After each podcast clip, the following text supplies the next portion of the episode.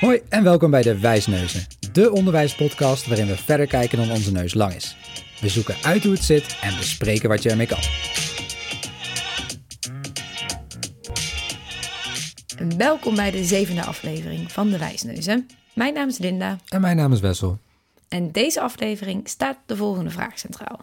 Hoe kan ik rekening houden met verschillen tussen mijn leerlingen en studenten? Nou, nogal iets belangrijks in het onderwijs, want we zijn niet allemaal hetzelfde, helaas. Nee, Nee, dit is best een belangrijke en relevante vraag. Toch, Wessel? zeker. Eh, ik denk dat we in het onderwijs altijd een beetje de zoektocht hebben. Hoe kunnen we zo lesgeven dat iedereen goed tot zijn of haar recht komt? Terwijl we wel met allemaal gemixte groepen zitten. Want je, je wil ook van en met elkaar kunnen leren. En ja, je kan ook niet altijd iedereen op precies op zijn of haar niveau bedienen. Dus eh, wat dat betreft een hele relevante vraag. Zeker, en een mooie ambitie om eh, in ieder geval zoveel mogelijk leerlingen en studenten te kunnen bedienen. Zeker, zeker. Ja, want er zijn natuurlijk best wat verschillen tussen leerlingen en studenten. Ehm, als je gaat kijken naar een welbekende spotprint, zou ik willen zeggen, dan zie je daar een meneer zitten met een, eh, een groepje dieren voor zich. En die wil nou, dat al die dieren de boom in klimmen. En het liefst zo snel mogelijk. Nou, een olifant, een aap, een goudvis. Nou, het is natuurlijk een spotprint om aan te geven. Ja, we vragen soms hetzelfde van de leerlingen, maar ze zijn best verschillend. Tegelijkertijd zijn er ook ontzettend veel overeenkomsten tussen leerlingen en studenten. En ik denk dat we daar vaak te weinig aandacht voor hebben. Vaak focussen we ons heel erg op de verschillen, terwijl nou ja, ook uit veel onderzoek blijkt. We zijn ook voor een heel groot deel hetzelfde. En daar kunnen we ook heel erg gebruik van maken. Ja, Maar goed, zover die verschillen wel zijn, gaan ze eigenlijk vaak over twee verschillende dingen. Aan de ene kant kan het over cognitie gaan. Je kan dingen goed of minder goed.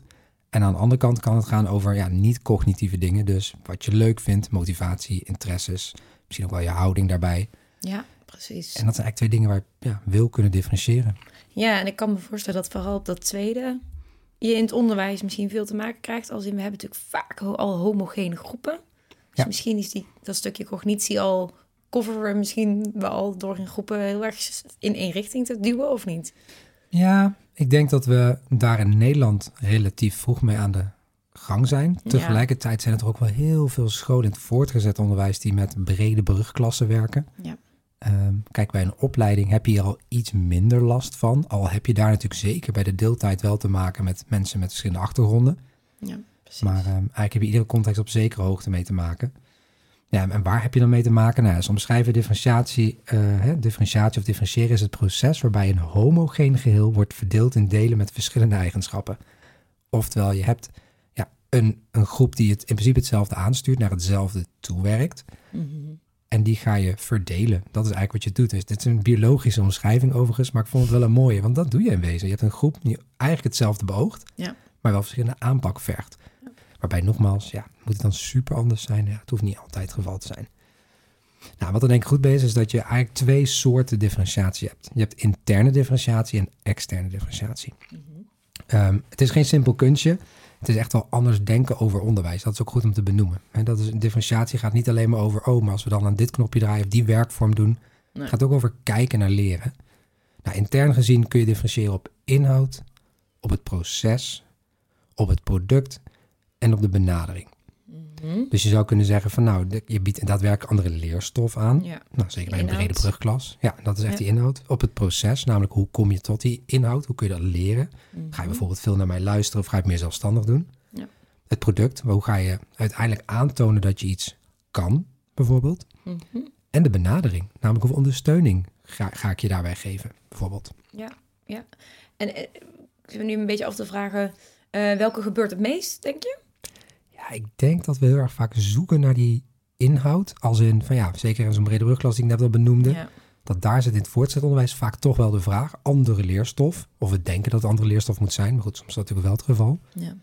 Terwijl ehm, een ander belangrijk punt is ook wel zeker het proces. Hoe pak je het aan?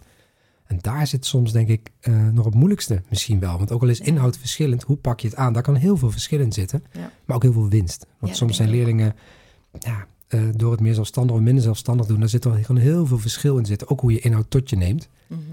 Eh, en ik denk als het over motivatie gaat, is juist product een hele belangrijke ook. Ja. En dat gaat ook over hoe ga je het aantonen. Vind je het tof om het een zo'n product of zo'n product te doen? Precies. Dan Dus krijg je dat, eh, leerlingen aan, hè? Dat is- Ja, ja. Ja. Dus dat is een belangrijke. Kijk, en extern gezien, dus dat gaat echt buiten les om, als een schil daaromheen. Ja, dat gaat over hoe delen we überhaupt niveaus in. Hebben we te maken met een honor program? Hebben te maken met flexibilisering? Dus dan gaan we het echt over het rooster anders indelen of überhaupt op een opleiding keuzes geven. Ja.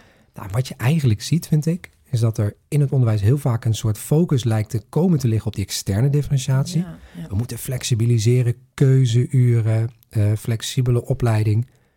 Terwijl de complexiteit heel groot is. De winst is relatief gezien daardoor eigenlijk wat minder, denk ik. En vervolgens is het ook nog eens zo dat het soms zelfs nou, bijna achteruit gaat, omdat de complexiteit ook voor leerlingen dan studenten zo groot wordt. Ja. Terwijl die kleine knopjes om aan te draaien, dus die inhoud, proces, producten, benadering binnen die klassensetting of hè, direct daaromheen, Ja. ja, dat zijn vaak veel kleinere ingrepen, maar die kunnen wel heel veel verschil maken. Een hele interessante balans, denk ik altijd voor als gewoon opleidingen. Denk eens goed na over, moet je nou heel erg focussen op het compleet anders organiseren? Of kun je binnen de bestaande setting ook aan knoppen draaien? Nou ja, Ja, idealisme, mooi. realisme, hè? dat is die balans. Ja, en ook wederom denk ik de, eh, of wat ik je ook hoor zeggen is die, die docent is ook weer heel belangrijk. Hè? Dus die aanpak van die docent Ja. is super belangrijk. Dus je kunt wel je hele organisatie veranderen, maar als ik als docent me niet, ja, niet de handvatten heb eh, of het idee heb dat ik niet goed genoeg kan inspelen op die verschillen, ja, dan, dan, dan loop je alsnog de kans mis Ja, om tegemoet te komen. Dus ja. ja, ja, dat is denk ik het systeemdenken. En dat systeemdenken, daar wil je heel erg voor waken. Ja. We gaan het op papier helemaal anders doen, maar in de praktijk, dat vraagt vooral wat. Hè, dat, inderdaad, dat handelen waar je het over hebt. Mhm. Ja, maar hoe, hoe, ja, wat weten we dan zo al over differentiatie? Nou, ik benoemde net al, juist in die wat kleinere dingen kan heel veel winst zitten. Ja. Nou, wat we verder nog weten is, ja, hoe, op basis waarvan differentieer je dan? Nou, we weten dat op basis van leerstijlen is niet zo effectief, want er zijn wel 70 verschillende leerstijlen. Dus überhaupt wel een beetje een debunked iets, zou je kunnen zeggen, een Ja. mythe. nou, verder kan je differentiëren bijvoorbeeld op basis van RTTI. Ja, dat kan soms heel nuttig zijn. Tegelijkertijd weten we ook dat sommige leerlingen kunnen heel goed zijn in inzicht, maar juist minder goed in reproductie. Dus het is niet een soort oplopende trap. Nee, En, en uiteindelijk is het ook maar een commercieel verzonnen gegeven. Dat moeten we denk ik ook niet vergeten bij zoiets. precies. Nou, wat als we dan kijken naar, moet je dan een heterogene of homogene groepsindeling, hè, dat, die differentiatie, hoe deel je überhaupt in? Nou, we weten dat als je gaat kijken naar een heterogene eh, groepsindeling, dat dat uiteindelijk wel positief is. Ja, dat vind ik zo interessant. Ja, Want dat doen we zo weinig natuurlijk. Hoe vaak zijn we niet al heel, heel vroeg in een, leer, in een leerproces aan het ja, portwachten en aan het Ja. indelen ja. in homogene groepen? Dus wa- waarom, ja, ja wat, je, wat je ziet is vooral bij heterogene groepen is dat, ja, de allersterkste, die komen daar misschien soms daardoor iets minder tot hun recht. Maar met name de wat zwakkere leerlingen dan studenten, die komen des te meer tot hun recht. Dus je middelt het iets meer oud, maar vooral wat tussen haakjes zwakkere leerlingen dan studenten hebben er meer profijt van dan dat er wat sterker er last van hebben. ja, Dus het gaat ook een beetje om visie wat je wil natuurlijk. ja. Maar ik denk dat uiteindelijk ja, in de taal de winst is groter. Buiten het feit dat, ja, je hebt over eh, meer inclusie en van elkaar leren, is dat ook wel een belangrijke, denk ik. Ja, dus eigenlijk is het super afhankelijk ook van je, ja, van je visie op onderwijs. Hè? Je uitgangspunt van Ja, wa- wat willen we leerlingen meegeven. En, nou ja, dat. Dat is denk ik een hele, hele belangrijke. Nou, Ja. wat we ook weten uit onderzoek is dat hoge verwachtingen zijn ontzettend belangrijk. Mhm. En daar zit ook wel weer een complexiteit. Want we weten ook dat, eh, nou ja, als je bijvoorbeeld, pak een beet, een HAVO en een VWO-klas bij elkaar zet. Ja, dan wil je toch die leerlingen, dat zie je vaak bij docenten, richting VWO tillen. Nou, dat kan heel positief werken aan de ene kant, want je probeert mensen naar een maximale kunnen te krijgen. Tegelijkertijd kan het ook valse verwachtingen creëren. Ja. Maar het is interessant, we weten uit een onderzoek dat de hele tijd eh, heeft gelopen in Nederland. Daar zijn leerlingen met dezelfde CITO naar een HAVO-VWO-klas en een HAVO-klas gedaan. Nou, uiteindelijk bleken de leerlingen in een HAVO-VWO-klas uiteindelijk naar richting het examen een stuk sterker uit de bus te komen. Die zijn tijd op een hoger niveau aangesproken en daardoor een beetje omhoog getrokken. Mhm. Dat is interessant. Dat doet wel natuurlijk ook misschien wat met leerlingen. Dat weet ik niet of ze op hun tenen lopen of niet, maar dat zijn wel interessante dingen. Ja, Nou, verder weet ik ook dat peer tutoring, dus echt het leerlingen met elkaar laten ondersteunen, heel goed werkt. Juist ook in die mix van de tussen haakjes sterkere en zwakkere leerlingen. ja. Nou ook, ja. ook een leuk principe wat je in het HBO nog wel eens terug ziet komen. Hè? Dat oudere, eh oudere jaar, zeg maar, die Ja. verder in een opleiding zijn, ook een rol spelen in eh, Ja. bijvoorbeeld een eerste jaar van een, eh, van een opleiding. Ja, nou daar zit volgens mij ontzettend veel winst, zeg maar. Dus ga zorgen dat die sterkere studenten ook die wat minder sterke, of die jongere studenten die nog wat meer, nou ja, de meer de start bekwamen richting de echte beginnende studenten, zit ook heel veel winst. Ja. Nee, dus en op basis waarvan kun je dan differentiëren? Nou, je kunt kijken naar de, de leerlijn, oftewel inhoud. Mhm. Je kunt kijken naar interesse dus. Eh, en nog een hele laatste belang is denk ik ook die zone van naaste ontwikkeling wil je gebruiken. Dus waar zijn leerlingen net boven hun kunnen worden uitgedaagd?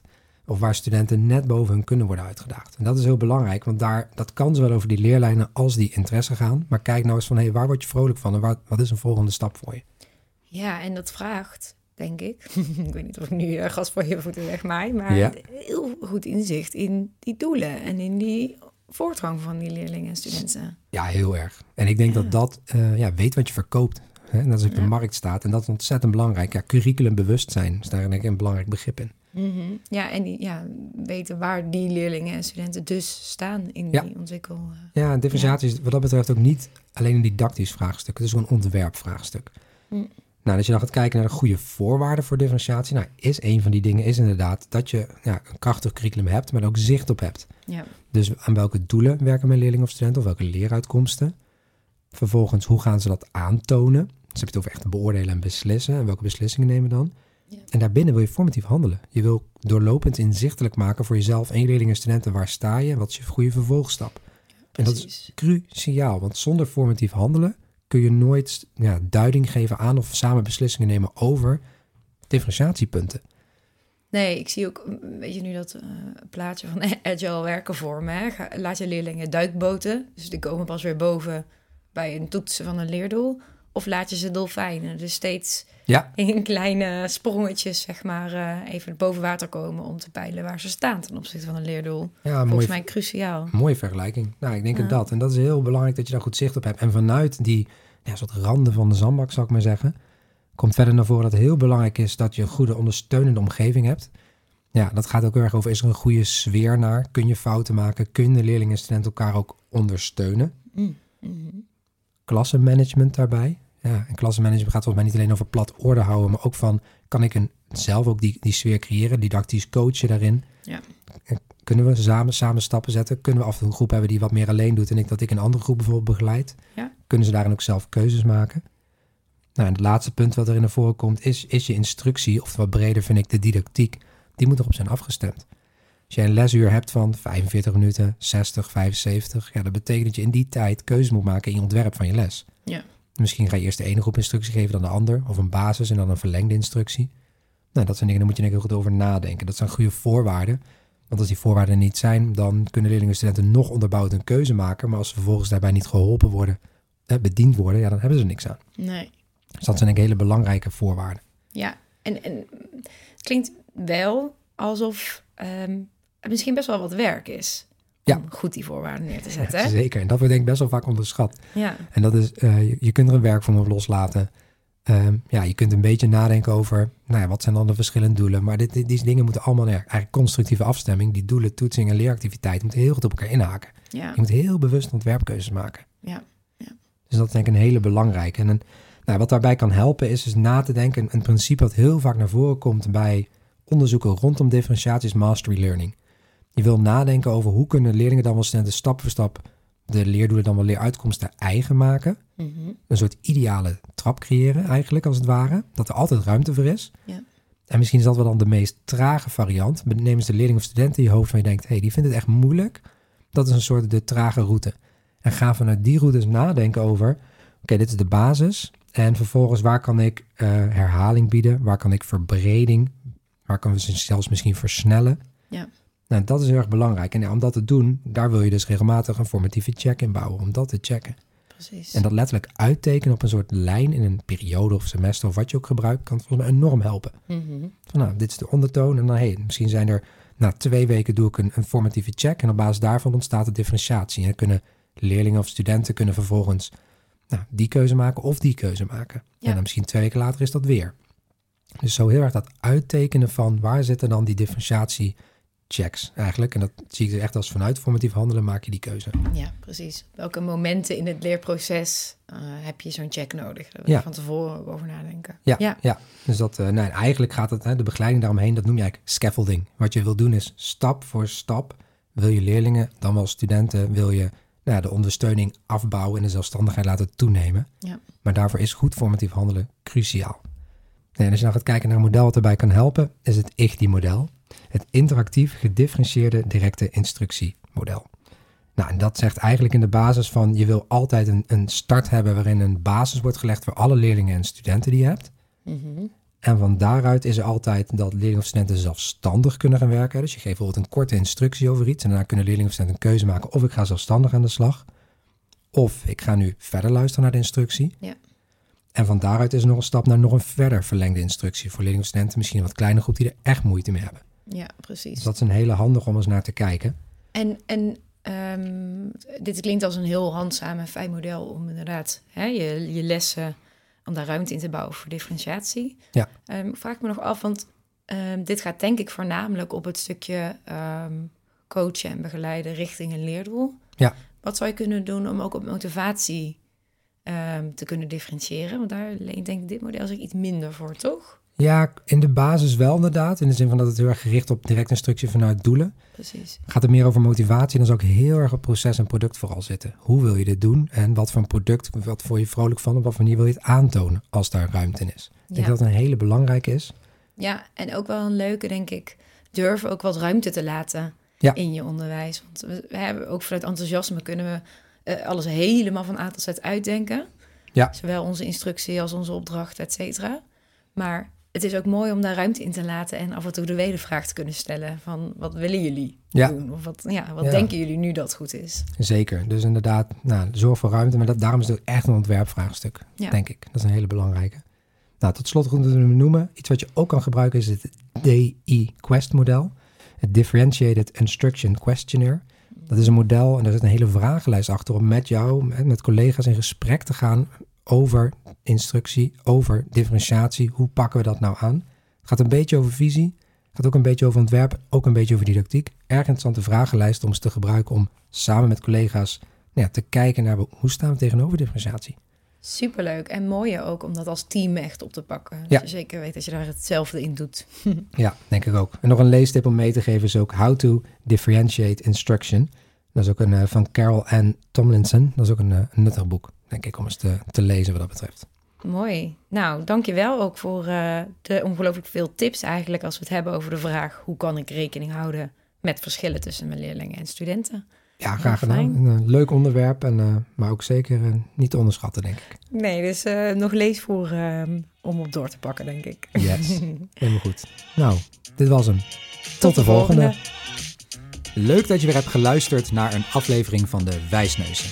Wil je nou meer weten over het onderwerp dat je net hebt beluisterd? Ga dan naar vernieuwenderwijs.nl slash podcast.